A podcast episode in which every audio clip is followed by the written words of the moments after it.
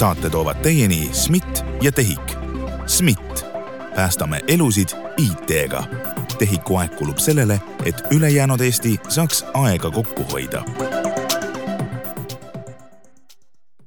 tere tulemast kuulama podcasti, kus me uurime ja puurime Eesti digiriiki tema kõigi võimalike nurkade ja tahkude alt ja kes oleks parem inimene sellest rääkima, kui mitte majandus- ja infotehnoloogiaminister Tiit Riisalo. tere tulemast stuudiosse! Tere! jätsin sellise pika sissejuhatuse ära, kuna ministritel on alati aega väga vähe, nii et äh, asume teemade juurde ja mainin ära ka, et mina olen saatejuht Ronald Liive. Äh, sel päeval, kui me seda saadet salvestame, saab täpselt kuu aega sellest, mil teist sai minister. kuidas see kuu aega läinud on? No mis seal salata, et kuu aega on läinud tempokalt, et, et kuigi siin juba alguses sai selgeks, et sellist traditsioonilist sadat päeva kommunikatiivses mõttes valitsus adra seadmiseks ei saa, siis noh, praktilises elus on see ikkagi vajalik, et, et süüvida oma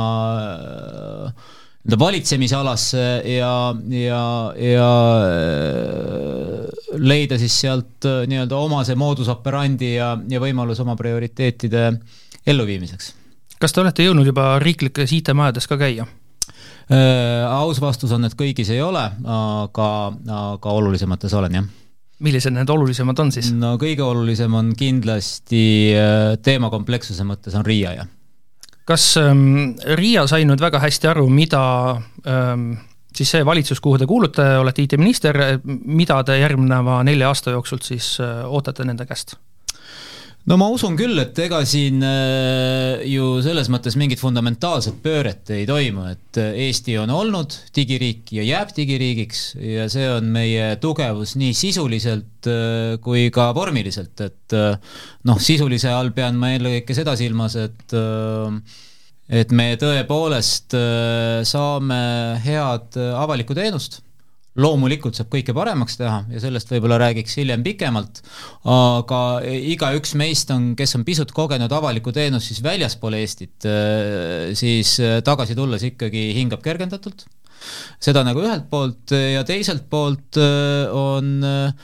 noh, kõik see muutub järjest äh, komplitseeritumaks ja komplitseeritumaks, ühelt poolt noh, tehnoloogia areneb, äh, on sellised nii-öelda objektiivsed väljakutsed, äh, nii-öelda ai eskaleerunud areng, aga teiselt poolt see rahvusvaheline julgeoleku kontekst, see, mis, et, et nii-öelda sõda ei ole ju sõda enam füüsiliselt, et üks sõdur on ühes kaevikus ja teine teises ja kindralstaabis, vaid see on mastaapne laiaulatuslik tegevus ja, ja ka nii-öelda digimaailmas või siis küberrindel nii et, et see kõik on nii, nagu ta on ja, ja ütleks, et, et Eestis on sellega, ei ole asjad halvasti, on isegi hästi, aga loomulikult me peame hoidma temposid, et selles tegelikult võidujooksus äh, oma digiriiki kaitsta, et, et kui kedagi on õlbus rünnata, siis ikkagi digiriike ja ja me oleme seal noh, selles mõttes nagu mõlemat pidi rindejoonel, et me oleme Ukraina tugev toetaja koos teiste nii-öelda oma samameelsete partneritega ja teisipidi oleme sellest seltskonnast kõige digitaalsem, nii et me peame olema väga valmis. ja, ja mul on küll selline veendumus, et, et RIA on selleks valmis ja, ja Vabariigi Valitsus ja IT-minister loomulikult äh, toetab teda selles see nüüd viimane minut või natuke peale, mis te siin rääkisite, kõik sellised ähm, lööklaused ja mm, käisid läbi, millest ma loodan, et me tänases saates jõuame täpsemalt, äh, lähemalt rääkida. kuna viimased aastad just IT-ministrite vaatest on olnud sellised ütleme siis huvitavad, siis ma teen väikse sellise kiirete küsimuste vooru esmalt, et et nii mina kui, kui saatejuht kui ka meie kuulajad saaksid teada, et millise IT-ministriga meil siis parasjagu nüüd tegu on kui ma küsin teie käest, mis asi on kaheastmeline autentimine ja kas te seda ise ka kasutate, kas te oskate vastata? Jah, kas ma nüüd just nagu legaaldefinitsiooni oskan anda niimoodi tavainimese mõttes siis? tavainimese mõttes ma saan aru, et, et milleks see vajalik on, et noh, võib-olla kõige klassikalisem näide on see, et, et sa kasutad nii parooli kui ka ma ei tea, siis äh, biomeetrilist äh, tuvastust, eks ole, mingite teenuste puhul, mis on nagu kriitilise tähtsusega, et mina olen selle tööle pannud enda jaoks siis kriitilise tähtsusega, ma räägin kodaniku või, või isiku, üksikisiku vaatest, et et noh, väga palju minu aega ajaloost on Gmailis, olles seal nii-öelda early adopter olnud äh,. armsaks on mulle saanud Facebook, sest mul pole elus varem päevikut olnud, aga nüüd juba ligemale vist kümmekond aastat on ja ma selle tõttu mulle see formaat meeldib, et ma tõepoolest mäletan, et või sealt saan vaadata, et et olles seal nagu olulisemad sündmused kirja pannud, et mis on toimunud ja ma ei tahaks, et see kaaperdatakse või, või kuhugi nagu vasakule ära läheb, et sellised asjad ma olen jah, endal nagu, nagu ära teinud mingeid lihtsamaid asju, ma ei tea, IKEA-s, eh, kas seda pakutakse, eks ole, noh näiteks, aga, aga selliseid, eh, selliseid veel mitte. aga, aga kutsun kõiki üles seda tegema jah, et, et need, kes on langenud selle identiteedivarguse ohti oh,, ohvriks, need tegelikult, neile jõuab nagu päris hästi kohale see, et meil ongi kaks identiteeti et üks on see füüsiline mina, eks ole, nii nagu me siin kahekesi stuudios oleme, ja me võib-olla ei mõtle igapäevaselt sellele, et väga tugevalt on, on meie teine mina toimetab seal äh, virtuaalsfääris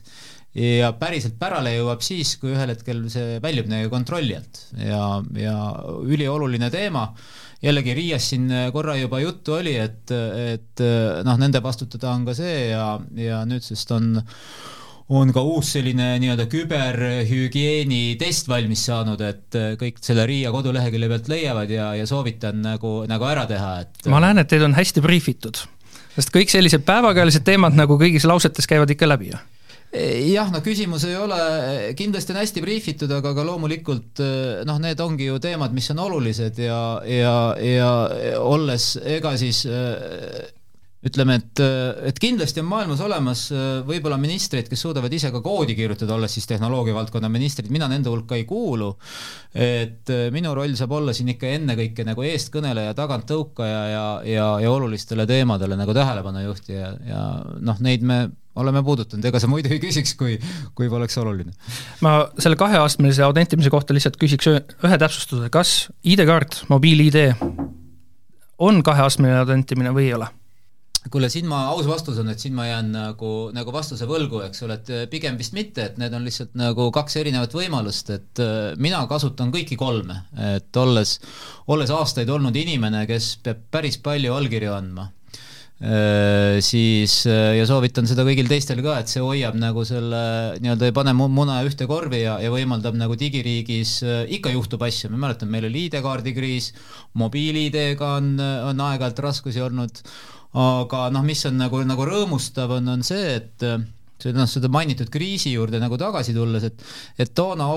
olles mitte tehnoloogia eest otseselt vastutav, kui see kaks tuhat seitseteist meil juhtus, siis tehti selline, et avalik sektor ja, ja olulised ka ettevõtted oleksid siis nagu ühes inforuumis, toimus selline nii-öelda kriisijuhtimise staap, sai siis alguses iga päev, hiljem natuke suurema sagedusega kokku ja see oli üks esimesi küsimusi, mis tekkis ju esimeste päevade jooksul, oli see, et mäletavasti puudutas see ikkagi suurt hulka inimesi, et umbes seitsesada tuhat inimest, kas pidi siis kaardi või ära vahetama või tarkvara uuenduse tegema. Ja et kuidas siis nagu reageeritakse? Ja, ja minu, minu jaoks olles siis toona presidendikantselei juht, kaasati ka meid sinna juhtgruppi, et me oleksime siis nagu või, või sünk-, sünkroniseerimisringi, infosünkro-, infosünkroniseerimisringi, et me oleksime ka kursis vajadusel ja mis oli rõõmustav äh, kommunikatiivses võtmes, oligi see, et kui see nii-öelda see avalik nagu narratiiv või lugu või kuidagi äh, nii-öelda käima läks äh, meedias ja ka sotsiaalmeedias, siis inimesed ei öelnud, et, et me ütlesime teile algusest peale, et see asi ei tööta ja pange see värk nüüd kinni. mis oleks olnud tõenäoline stsenaarium väga paljudes Euroopa riikides. Eesti inimesed, Eesti avalikkus, Eesti meedia ütles, et kuulge, tehke see korda ja, ja lihtsalt tehke see korda, sest me olime juba nagu tunnetanud seda, mida me tegelikult igapäevaselt sellest kasu saame. ja noh, see andis nagu sellise veendumuse, eks ole, et me, me mitte lihtsalt ei räägi, et meil on digiriik, vaid meil päriselt on, inimesed tahavad seda, meil on sellest kasu. Ja, ja loomulikult tuleb seda siis üritada igakülgselt hoida. Üks asi, mida me Geeniuses tegime enne valimisi, oli IT-ministrite või potentsiaalsete IT-ministrite debatt, kus äh, teadupärast teid kohal ei olnud ja sealt on üks küsimus, mida, mida me kõigilt siis küsisime ja mida ma soovin ka teilt küsida, et ja teil on kõige parem sellele vastata, kuna teie olete nüüd reaalne minister. mis on Eesti digiriigi, digiriigi või IT vaatest äh, need esimesed asjad, sellised äh, karjuvad asjad, mida te nüüd tahate kohe esmajoones ära lahendada, parandada, ma ei tea, kas ära lõpetada või, või täiesti uue asja luua? jah, no võib-olla esimese asjana ütleks, et tark ei torma, kuigi ma just hiljuti rääkisin, et maailm areneb nagu tohutu kiirusega, aga ütleme siis niimoodi, et tormata tuleb ka nagu targalt, et et ma ei näe, ei ole selle kuu aja jooksul näinud noh, nii-öelda siis praktiliselt siis sinna sisse minnes, eks ole, et meil oleks selliseid asju, kus tulekahju oleks selline, et tuleks kohe see kustuti haarata seinalt ja tormata, tormata kustutama et, et pigem on see äh, projekt sellisem ulatuslikum, mille me tahaks ette võtta. Ja, ja ma arvan, et see projekt on äh, või ettevõtmine on päris nagu küps mitmes mõttes ja me siis selgitaks seda niimoodi, et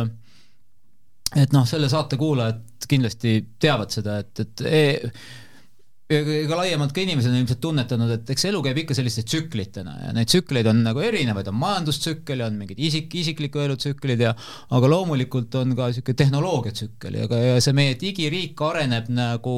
nagu natukene sellises oma, eks ole, digiriigi arengutsüklis, noh, mida siis mõjutab loomulikult see tehnoloogia arengud, aga ametkonna valmisolek, eks ole, ja ja üldised äh, trendid äh, äh, maailmas või sellised nii-öelda mega, megatrendid ja minus on küpsenud arusaamine, et me oleme tegelikult selle digiriigi arengus eh, nii-öelda uue tsükli alguses. et, et need otsused, mis kunagi ennekõike siis üheksakümnendate lõpus, aga väga paljus kahe tuhandete alguses tehti, et me kõik teame, et need otsused olemuslikult olid õiged ja targad Äh, see nii-öelda superstruktuur või arhitektuur, mis meie digiriigil on, et, et punkt üks, universaalne andmevahetuskiht, et me saame oma andmeid vahetada ja teine, et meil on nii-öelda singulaarne tugev identiteet, et see on andnud nagu väga tugeva vundamendi selle arendamiseks. ja meil õnnestus see kõik väga kiiresti ja hästi, sest olid julged poliitikud ja targad tehnoloogid aga kolmas asi oli ka see, midagi ei olnud ees ja mitte kellelgi ei olnud mingisuguseid ootusid. ja nüüd on ta siis nagu, inimesed olid valmis, avatud, raha ka väga palju ei olnud, eks ole, et, et mingisuguseid noh, nii-öelda füüsilisi teenuseid väga uhkelt välja arendada ja kõik need faktid kogumis tingisid selle, et me saime nagu väga hea stardi ja nüüd on see asi nagu küpsenud kakskümmend aastat, eks ole, nagu asjad ikka, noh, tekivad äh, mingid arendused, siis mingil hetkel selgub, et tehnoloogia on oma nagu arengus e-, edasi läinud, aga me oleme juba miljoneid maksnud selle eest, tekivad sellised taakvara ja pärandvara küsimused siis tekivad inimesed, kellel on mingisugused nii-öelda teenused ja projektid, mida nad edendavad ja, ja nad saavad aru, et, et kui see ära lõpetatakse, siis võib-olla lõpeb ka nende töö ära. Ja noh, see on kõik niisugune loomulik nagu elu osa ja see kõik küpseb ja küpseb ja nüüd mulle tundub, et me oleme, või ma olen kindel tegelikult selles, et, et äh, nii Eesti kakssada erakonnana, kelle, kelle valimisprogrammis see oli, äh, kui ka Vabariigi Valitsus või see koalitsioon nagu laiemalt tegelikult toetab seda vaadet, et me oleme valmis minema nagu selles tehnoloogia arengus uuele ringile. Või digiriigi arengus. Ja see ei saa, ole loomulikult asi nagu iseeneses, me teeme seda selleks, et eh, need teenused, mida me riigina osutame, aga ka, ka selleks, et see koostöö Eesti digiriigi edu alus on ka selles, et, et meil on äh, algusest peale olnud väga hea koostöö erasektoriga, eks ole, me kõik teame, et et pangad ja telkod olid need, kes väga tugevalt kaasa tulid ja see meil selle nii-öelda ulatuse või penetratsiooni tegelikult lõi, mille üle me nii uhked oleme ja mis võimaldab sellel riigil töötada. et, et me kõik koos läheme uuele ringile ja, ja, ja see harjutus on meil nagu tõsimeelselt plaanis ja mis siis selle eesmärk on, ongi see äh, kuulus äh, personaalne riik. ja mida see tähendab digiriigi võtmes, on see, et me paneme öö, äh, selle keskme, keskmesse inimese ja tema vajadused. ja selle inimese võib seal asendada ka sõnaga ettevõte või ka mittetulundusühing aga et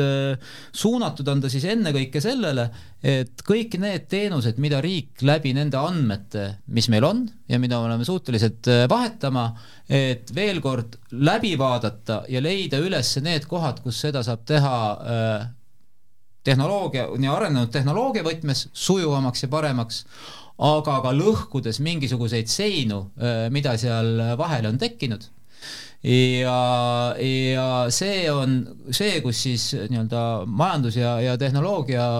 mm, eest vastutab, infotehnoloogia eest vastutav minister saab olla eestvedaja ja taganttõukaja, aga lõplikult või noh, tervikuna me õnnestume siis, kui, kui teised ministeeriumid või valdav enamus nendest tuleb nagu kaasa. Ja seda me siis tegelikult tahakski teha ja, ja ettevalmistused selleks käivad, et siin on, ütleme, on selliseid pakilisemaid asju äh, noh, kahekümne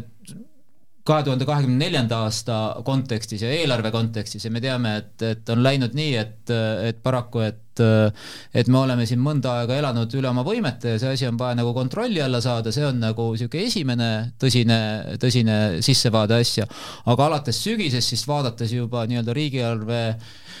strateegia ja riigireformi kontekstis kaugemale, tahaks siis teha selle, selle tõsisema, tõsisema jõupingutuse ka ära ja jällegi seda kõike tehakse selles, selle personaalse riigi teine aspekt on siis see, et, et kõik see suhtlus nii-öelda riigiga või ka meil omavahel või, või ettevõtetel, ettevõtetel omavahel, mis on vajalik, oleks võimalikult häireteta ja sujuv. see, et me isikutena saaksime keskenduda mitte no või, või võtame ettevõtte näite, et, et just käisime siin hiljuti nii-öelda need numbrid läbi, läbi et on kolmkümmend kuus erinevat sisenemispunkti ettevõtte jaoks digiriiki ja seal osutatakse mingit umbes sada viitekümmet kuute teenust. see on nagu üks äh, selline noh, vaatenurk asjale Ja, kas te hakkategi nüüd midagi neist siis ära, ära nii-öelda mm, hekseldama sealt? just, ja see eesmärk on, eks ole, siis, siis esmalt selle, selle plaaniga juba, juba on tegeletud, aga ma tahaks sellele nii-öelda hoogu juurde anda, et me saaksime nagu selge vaate sellest, et, et ja, ja väga nagu konkreetset tempot paika, et kuidas siis nii-öelda selle ette, tekiks selline nii-öelda ettevõtja digivärav Eesti EE alla, ettevalmistus on tehtud, hakkame eh, nii-öelda tempokalt liikuma, nii et me jõuaksime, eks ole, kahekümne viienda aasta lõpuks sinnamaani, et meil juba märkimisväärne osa, täpselt numbrit praegu ei oska öelda, aga ikkagi nagu märkimisväärne osa teenustest oleks nii-öelda ettevõtja jaoks ühest digiväravast kättesaadav selguse huvides küsin üle, kuna ka see ettevõtte digivärava teema on siin juba pikemat mhm. aega teemaks olnud ja ütlen välja ka, et väga paljud asjad, mis koalitsioonilepingusse said digiriigi või, või e-riigi vaatest, on tegelikult asjad, mis on juba töös. kas ma saan teist korrektselt aru? Et teil on ikkagi plaan midagi, mõni siis ettevõttele või ettevõtetele suunatud e-teenus täiesti ära lõpetada või teil on lihtsalt plaanis nad konsolideerida nagu ühe mugava katuse alla? ja e, no ütleme, prioriteet number üks on konsolideerida ja, ja äralõpetamisest saab rääkida sellisel juhul, eks ole, kui see ei ole otstarbekas. aga lõpetades siis, võttes selle eelmise mõtte kokku, et, et kogu selle tegevuse eesmärk ongi siis, et see ettevõte saaks keskenduda oma põhitegevusele, kasumi teenimisele, ettevõtte arendamisele, mitte sellele, sellele nii-öelda akende otsimisele internetis. Ja sama loomulikult kehtib ka inimese kohta. ja loomulikult võiks olla nagu sündmuspõhine ja võimalikult proaktiivne, et me kuskil oleme vastavalt oma tunnetusele, et, et kui julged me oleme, noh, mina isiklikult olen, olen selles kontekstis julge, et ma usaldan oma riiki ja neid andmeid. Nii-öelda teha see opt-in ära, võimalikult vähe teha neid, et ma annaks täitsa vabalt noh, nii-öelda isegi kui ma ei oleks minister eh, ja ei peaks olema eeskujuks selles valdkonnas, annaks ma nagu võimalikult palju opt-in'e võimalikult kiiresti ära, et ma saaksin noh, keskenduda oma tööle, oma harrastustele, oma perele, selle asemel, et, et eh, avaldusi täita. veel üks selline nii-öelda kiirem küsimus, kui me kõigi nende teemadeni veel edasi jõuame, kas eh, Eesti e-valimised on turvalised? Eesti e-valimised on turvalised. millal me mobiiliga saame hakata valimistel häält andma? Nüüd see on natuke keerulisem küsimus, ütleme, jaotame ta kaheks, et on see tehnoloogiline pool, mis siis on MKM-i ja, ja jällegi tema allasutuste hallata ja siis on valimiste korraldamine kui selline, see õigusruum selle ümber, tehnoloogilist tõrget ma ei näe, et äh, prototüüp äh, koostöös siis RIA ja Kybernetikaga valmib siin juba suveks. see tähendab, et meil on valmisolek olemas ja see on nüüd noh, nii-öelda küsimus, äh, mis ongi arutuseks nii äh, valitsuses kui ka tegelikult Riigikogus, et äh, kas sünnib otsus seda teed minna ja sinna luua ka vajalik õigusruum ümber. tehniliselt saab meil valmisolek olema, jah okei okay,, ma tulen nüüd teie igapäevatöö juurde sellise nurga alt, et te varasemalt teil sellist ma parandan, mina või lisaksin, eks ole, et vabandust, et ma, isiklikult arvan ja teen kindlasti endast kõik sõltuv, et Eestis tuleksid M-valimised ja tuleksid, see tähendab järgmiste, kaks tuhat kakskümmend neli on Euroopa Parlamendi valimis, kas, kas siis? kui, kui vähegi võimalik, siis juba seal, jah. varasemalt teil sellist nagu digitausta või e-riigi tausta ei ole kes teid igapäevaselt äh, hoiab kursis nende arengutega või kes teid briifis, kõik need asjad, mis te siin äh, nagu ette väga ladusalt äh, rääkisite, et keegi on teid nii-öelda kurssi viinud temaatikaga, kes see keegi on? Eh, no eks neid inimesi on nagu mitmeid, aga, aga võib-olla nagu isiklikus plaanis tausta avada, et siis ma jah, ma ei ole, ei ole äh, tehnoloogiasektoris töötanud inimene, et nagu ma ütlesin, koodi, koodi kirjutamine, koodi kirjutaja ma kahjuks ei ole võib-olla oleks kunagi teinud teised karjäärivalikud, kui oleks teadnud, milliseks see maailm kõik, kõik areneb. aga, aga mis olnud, see olnud. aga ma olen kindlasti tehnoloogia huviline inimene olnud ja see on võimaldanud mul üsna kiiresti ka, ka sisse elada, et, et ma olen jälginud tehnoloogiamaailmas toimuvat, ütleme siis sellise harrastusena kogu oma noh, teadlikku elu et, et, et võib-olla see on siis kuskilt sealt äh, ma ei tea, vanaisast pärit, kes, kes esi, ehitas jooniste järgi kunagi Ida-Virumaal äh, ajakirjast võetud jooniste järgi rehepeksumasina, müüs selle maha, ostis endale auto ja hakkas ise vedama ja, ja siis, kui, kui meie esimene toonane vabariik õnnetult lõppes, oli tal juba seitseteist sellist veoautot seal Ida-Virumaal. et, ähm, et, äh, et see oli see toonane nii-öelda tehnoloogia justkui kui viimane sõna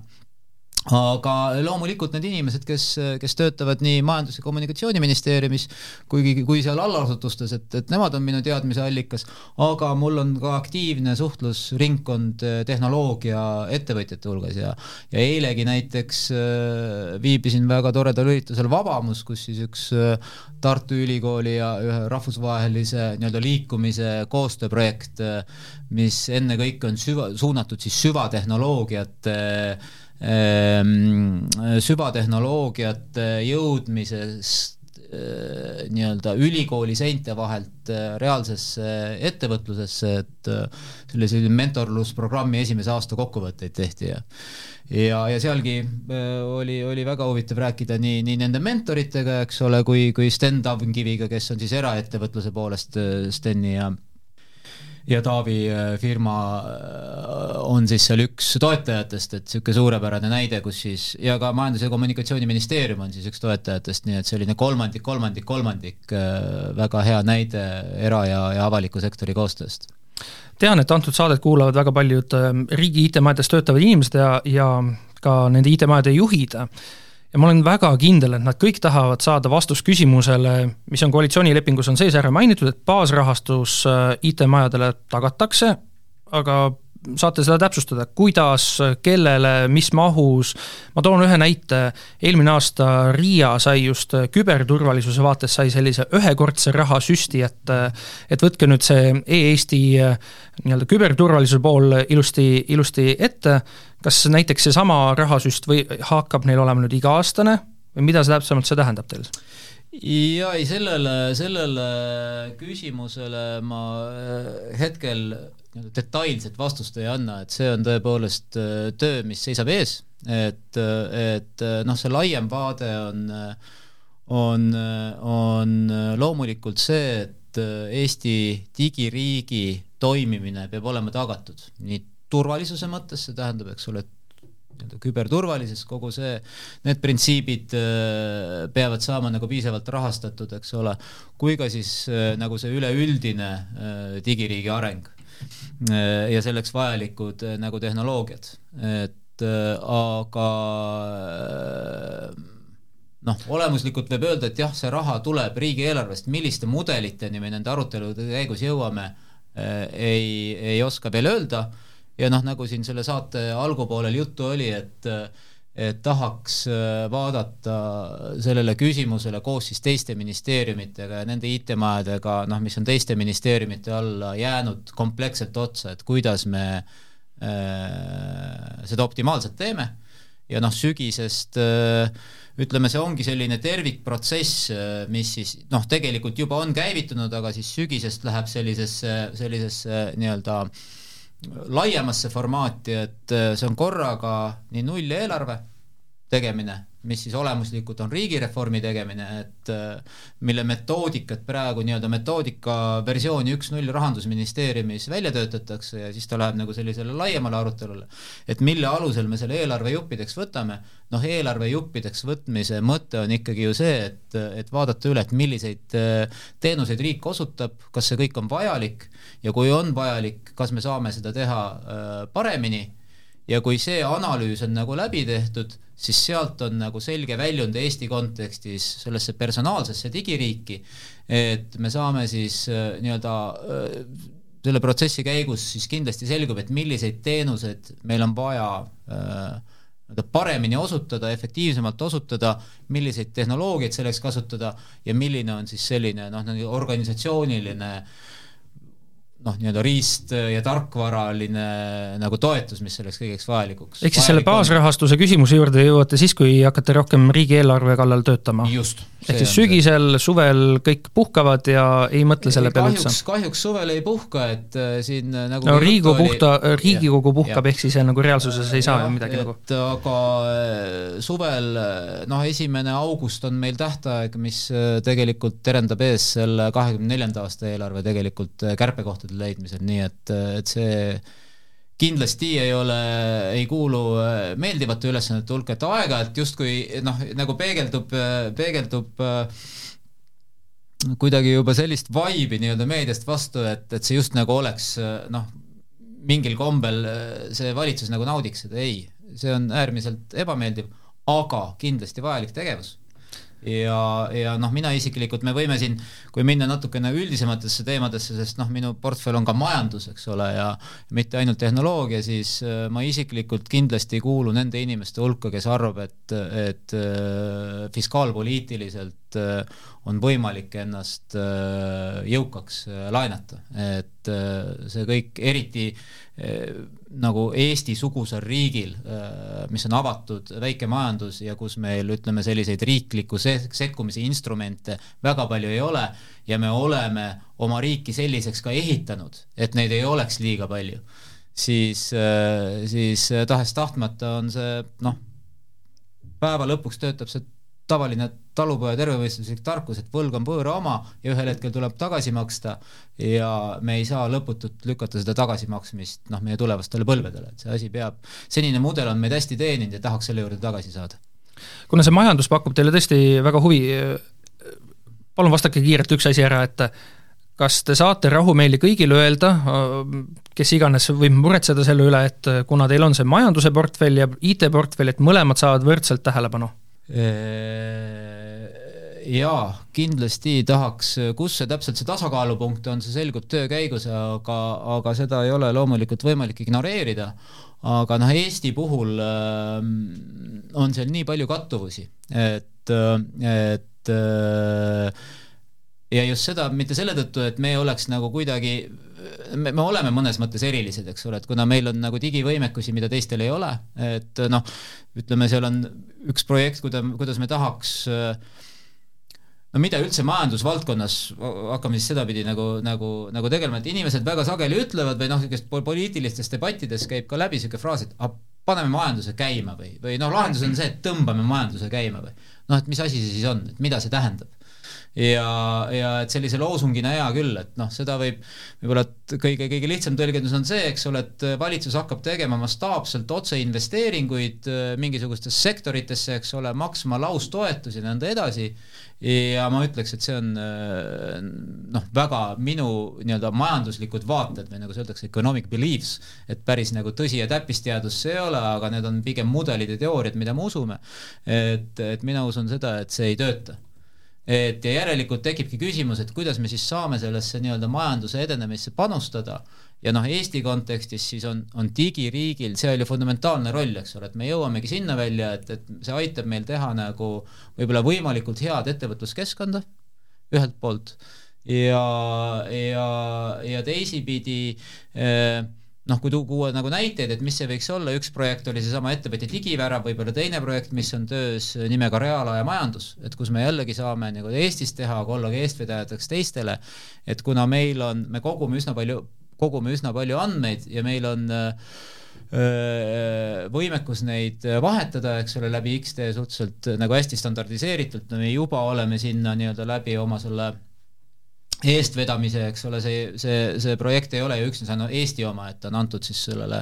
nii-öelda äh, NIIS-ile või, või Nordic Institute of Interoperability'le nagu, nagu vedada. et, et kui kõiki neid nii-öelda fakte seal kogumis vaadata, mis meil põllu peal eksisteerivad, siis me üritaks, teine asi, mida tõugata siis või ettevõtluskeskkonda paremaks teha, on see, et, et vedada ees siis seda nii-öelda andmevahetuse võimalikult äh, laia kasutust ja seda siis mitte enam avalikus sektoris, vaid, vaid ennekõike just erasektoris. et, et ka seal noh, nii-öelda niisugused arenguhüpped toimuks et see on see siis noh, millised, lihtsalt tuues näiteid, kuidas nagu saaks äh, majandust nagu käima tõmmata. aga vastates sinu küsimusele, jah, et üritaks siis leida seal, äh, seal sellise mõistliku tasakaalu ja, ja loomulikult ei saa siin äh, noh, Eesti majanduse puhul rääkida ainult, ainult tehnoloogiasektorist, et, et ühe ühe tõsise riigi majanduse vundament on ikkagi ka tööstuses ja, ja kui vähegi on võimalik kaasa aidata sellele, et Eestis tööstus, tõsi, tööstus, mis toodab võimalikult palju lisandväärtust ja siin tulevad jälle digiteemad sisse, siis loomulikult äh, üritaks ka sellele kaasa aidata. majanduse juurde korraks jäädes ähm, koroonakriisi alguses oli Bolt oli see ja, ja tegelikult oli ka Cleveron, kes mm, kes tulid MKM-i juurde ja ütlesid, et kuulge, et äh, olge head, et äh, andke meile raha, et, et siin on väga keerulised ajad ja ja, ja kui Bolt vist nagu lihtsalt küsiski nagu sellist, sellist nii-öelda rahasüsti, siis Cleveron pakkus välja, et selle eest saaks ka midagi, ehk siis terve Eesti saaks paki nende automaatidega ära kaetud bussipeatustes. ja nagu me teame, neist ei saanud mitte midagi. ma ei hakka küsima, mida teie oleksite siis teinud, aga kas, kas nagu, nagu tuleviku mõttes, kas te näete, et sellised Eesti iduettevõtted, kes, kes on nagu mingise edu juba saavutanud, võiks ikkagi riik veel kuidagi toetada? ma arvan, siin tuleb vaadata nagu väga palju case by case, et, et me ju tegelikult nagu teeme seda noh, jätame siin nagu selle nii-öelda, me, me ei suuda nagu nii välja mõelda, mis see järgmine kriis on või siis seda hüpoteetilist stsenaariumit, eks ole, et kas siis sel või teisel puhul tuleks toetada Tallinki äh, või Bolti. aga, aga kui äh, loodame, et nii ei lähe, aga mingisugune kriis peaks tulema, ma arvan, et me eelmistest oleme õppinud Äh, ja mitte seda, et mis siin on konkreetne vastus, vaid kuidas tegelikult äh, toimetada niimoodi, et me saaksime äh, koostöös võimalikult kiiresti need vajaliku sekkumise kohad välja mõelda. et, et noh, lihtsalt tuues siin natuke teisest valdkonnast jälle näite, et, et selle ministeeriumi haldusalas on ka Eesti Varude Keskus kes siis tegelikult tagab nii kütusevaru originaalis, aga noh, nüüd need kriisid, mis meil siin järjest on olnud, äh, Covidi tervisekriis, äh, Ukraina sõjaga tekkinud äh, nii-öelda vajadused, et me vaatame seda hoopis nagu, nagu laiapindsemalt nüüd. Ja, ja ka mitte niimoodi, et tingimata kuhjatakse mingisugused kuhjad, mingisuguseid asju kuhugi, eks ole, ladudesse, vaid, vaid tegelikult rääkides ettevõtetega, kes osutavad selliseid elutähtsaid teenuseid või, või toodavad kaupu, et et et kuidas äh, nii-öelda reserveerida mingisugused mahud selleks, äh, äh, kui peaksid puhkema kriisid ja milline saaks siis olla nagu noh, nii-öelda selle riigipoolse toetus selleks, et sellised võimalused nagu eksisteeriksid vajadusel. et see on nagu üks pool, mis puudutab ettevõtluse nagu toetamist äh, siis loomulikult on see vajalik ennekõike ja ma usun ka seda, seda olemuslikult, et äh, ennekõike on see keskkond, aidata kaasa sellele, äh, selle loomisele, aga loomulikult on, on, äh, on teatud kontekstis vaja tuge. Mingisugustest nii-öelda arengu, arenguhüpete tegemiseks või mingitest tõrgeteks ülesaamiseks. Ja ja noh, siia stuudiossegi ma tulin äh, tulin äh, aktsiaseltsist Metrosert, mis on siis riigi omanduses, mis senimaani on tegelenud noh, ennekõike standardise, standardite hoidmise, teatud analüüsidega, aga, aga nüüd on üsna sellise põhjaliku äh, analüüsi tulemusel äh, otsustatud, et äh, ka see ettevõte teeb siis nii-öelda järgmise arengusammu ja sinna tuleb Eesti siis esimene selline tõsisem rakendusuuringute keskus, mis siis täiendab äh, ühel pool on, on nii-öelda tööstus ja ettevõtlus oma vajadusega, teisel pool on ülikoolid oma ütleme, pigem siis äh, süva- ja teadusuuringutega ja noh, katmaks siis teatud valdkondades, kus Eestis võiksid olla hüpoteetiliselt äh, tugevused, siis selliste nii-öelda raha äh,, rohkem ressurssi ja aega nõudvate äh, teadusuuringutega, nii et no need on, ma arvan, meetodid, kuidas tuleks ettevõtlust toetada, pigem ja noh, loomulikult on, on ka äh, siis äh, EIS-is või siis EAS-i ja KredExi ühendasutuses, eks ole, äh, erinevaid meetmeid mõeldakse välja selleks, et adresseerida just nagu niisugust akuutset turuvajadust. aga, aga see on siis ka noh, ütleme selline konkursipõhine, eks ole, et sa saad minna, leida sellise, selle meetme sealt, eks ole, täita oma taotlusvorm ära ja vaadata, kas sa kvalifitseerud või mitte et Eesti ei ole senimaani teinud selliseid nii-öelda otseselt, väga palju otseselt rahalisi sekkumisi ehm,, aga ma ei ütle, et seda ei peaks niimoodi tegema, et, et vaatame nagu case by case, et ja kogu see noh, tegelikult ju, ju noh, kõik maailmas on seotud, et see on nagu need nagu, nagu meil on need viimased paar aastat on olnud selline tohutu õppetund, see, mis hakkas peale sellest või seda kõike tuletati meile seda meelde, eks ole, et esiteks nagu Covidiga, et kuidas see kõik nagu teeb maailmale nii kiiresti tiirud peale, et me ei pannud tähelegi. ja et kõik on kõigiga seotud ja et see ei ole niimoodi, et mis me siin ikka ehitame nagu müürikese ümber ja see, mis toimub kuskil mujal maailmas, mis see meisse puutub, on neil puhast vett või ei ole, eks ole et, et planeet on tervik. seda, seda ühelt poolt, aga aga noh, teiselt poolt ka see Ukraina sõda on teiselt poolt selle esile tõstnud ja tegelikult võimendanud mingisuguseid sündmusi, et ikkagi need riigid, kes jagavad teatud väärtusi ja see on nagu esile toonud selle, et, et, et väärtused ei ole lihtsalt sõnakõlks, eks ole, mis on noh, üldised inimõigused, demokraatia, see, et õigusriik nagu toimib. ja me oleme aru saanud, et, et seda, kui seal üheksakümnendate lõpus, kahe tuhandendate alguses võis veel jääda selline noh, niisugune illusioon sellest äh, nii-öelda äh, liikumisest, mida siis Francis Fukuyama tuntud äh, Ameerika filosoof ja, ja, ja majandusteadlane, politoloog kirjeldas ajaloo lõpuna, et me justkui võtame käest kinni äh, ja läheme siis sellisesse igavikulisse päikseloojangusse ja mitte midagi halba maailmas ei juhtu, siis see pilt on nagu totaalselt muutunud ja, ja on tekkinud selgelt äh, strateegilised alliansid ja kaalul ei ole rohkem ega vähem kui see, eks, kas selline maailmakord, nagu meile meeldib, nagu me arvame, et et me saame ennast, oma riiki, oma ühiskonda arendada, säilib või mitte, selle pika, pika jutu mõte on nagu see, et äh, tõsiselt on hakatud vaatama teemasse, mille nimi on strateegiline autonoomia, et see nii-öelda demokraatlik lääs kollektiivselt peab äh, tagama selle, et me ei sõltu mingitest ressurssidest, noh, antud teema kontekstis, eks ole, kõige lihtsam näide on kiip või selle kiibi tootmiseks vajalikud äh, tehnoloogiad ja, ja siin äh, no me hakkasime peale, et kas ettevõtjaid tuleb toetada, et jah, tegelikult me jõuame sinnamaani välja, et turumajandus kõike ära ei tee. Et mingites strateegilistes valdkondades me tõepoolest peame sekkuma ja, ja me hakkame sellele nagu tõsisemalt mõtlema ka Eestis jah, ja, ja, ja võib-olla siin esimene, esimene näide on ka üsna pea noh, nii-öelda ta juba on sündinud, aga, aga saab sellise konkreetse vormistuse, eks ole, on siis pügi, püsimagnetite tehas äh, Ida-Virumaal, Narva lähistel, mille rajamist ka on Eesti riik toetanud kaheksateist miljoni euroga. Jäädes natukene selle temaatika juurde, mida on praegu mainitud sai, üks väga oluline komponent sellest, et üldse Eesti riik äh, jääks toimima, või tähendab, et Eesti riik, Eesti digiriik saaks toimida, on kõik meie sidekaablid, merealused sidekaablid, millest on ka viimasel väga palju juttu olnud. kas, kuidas ja mida te teete selle jaoks, et, et Eesti digiriik jätkuks ka peale seda, kui mingil põhjusel, me ei tea, mis see põhjus võib olla, mõni merealune sidekaabel, mis on meie jaoks väga-väga kriitilise tähtsusega, enam ei toimi, on katki läinud jaa, no see on, see on üsna selline, eks ta on keeruline küsimus jah. ja, ja, ja noh, meil on siin oma ajalugu ka, et, et no kaks tuhat, peale kahe tuhande seitsmenda aasta sündmusi me ju tegelikult saime aru, et noh, siis jutt käis sellest, et kui meil oli see pronkssõduri intsident, me sattusime, nii-öelda saime kuulsaks maailmas selle tõttu, et oli esimene selline suurem, eks need oli varem ka toimunud, aga niisugune suurem, avalikum, selgelt nagu omistatava äh, ründajaga küberrünnak.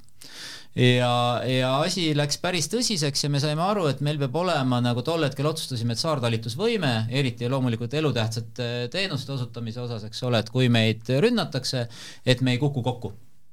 ja, ja seda printsiipi on siis üritatud nagu juurutada nii palju, kui, kui, kui vähegi jaksu on olnud ja ma usun, et või noh, me usume, eks ole, et, et, et see nii on. Aga loomulikult ka maailm ja, ja tehnoloogiad muutuvad, nii et äh, seda on näidanud ka noh, see, mis toimus Ukrainas, et siin detailidesse laskumata oli Eesti nii-öelda pädevad äh, institutsioonid ja isikud olid seal algusest peale kaasas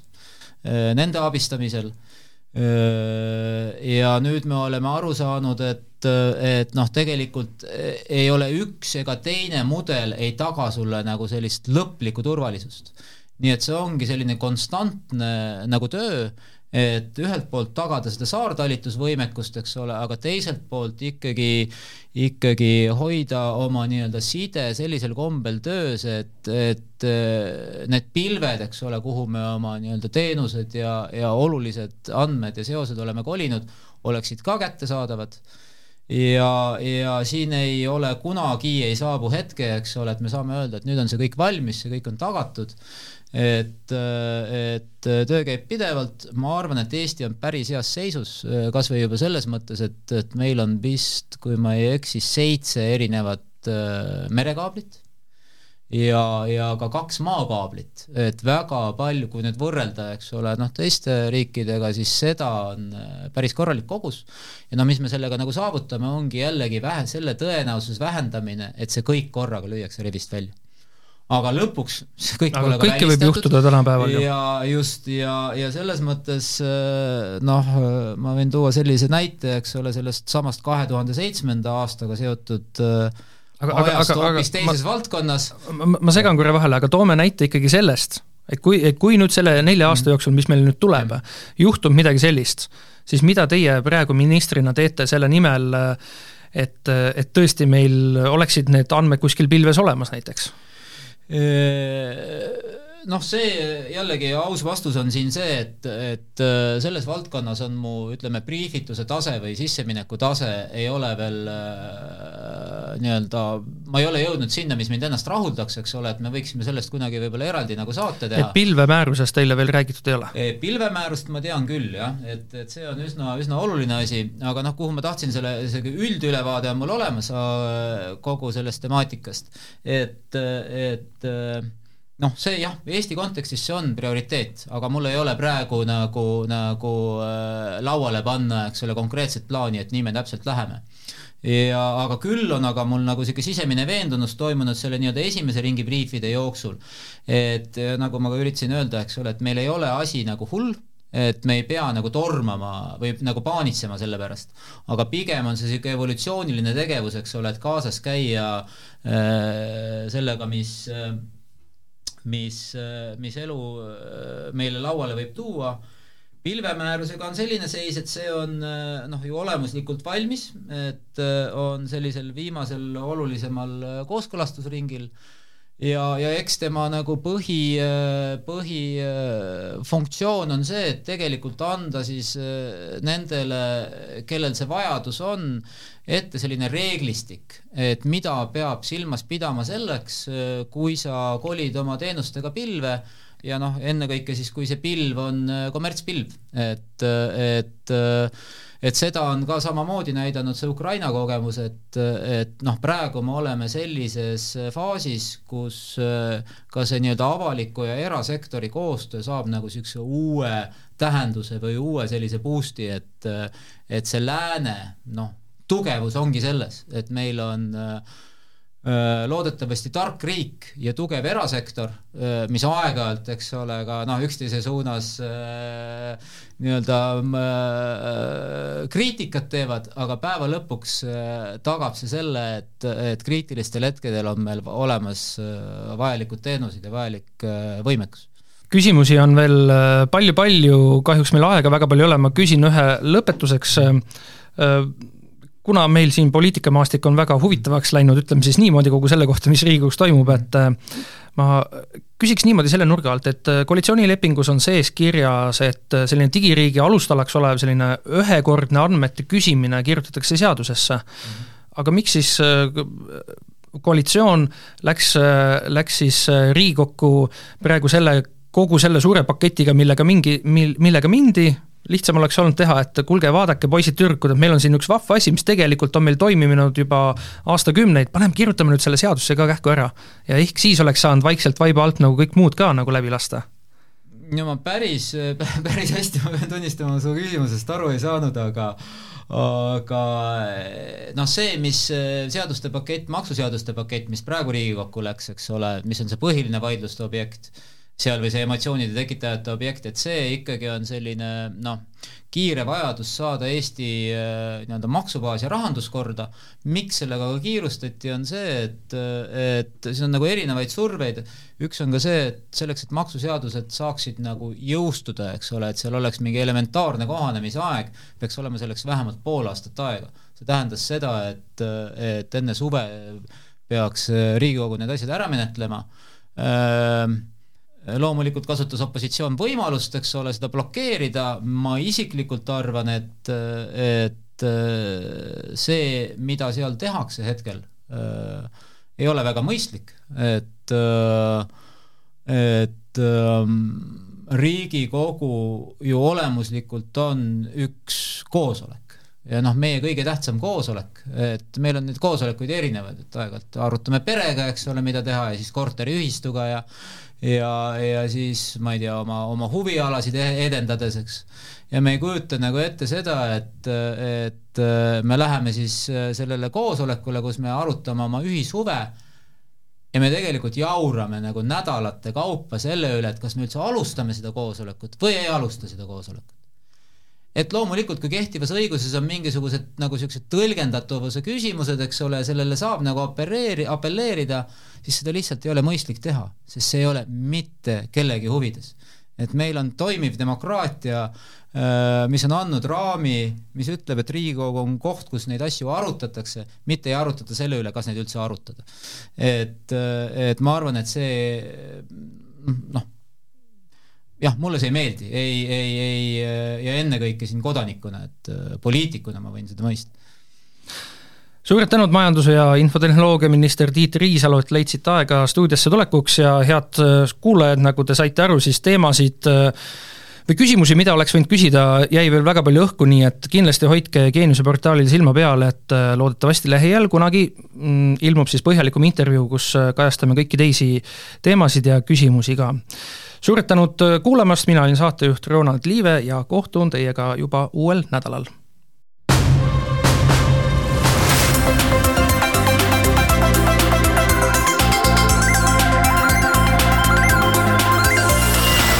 saate toovad teieni SMIT ja TEHIK. SMIT, päästame elusid IT-ga. TEHIK-u aeg kulub sellele, et ülejäänud Eesti saaks aega kokku hoida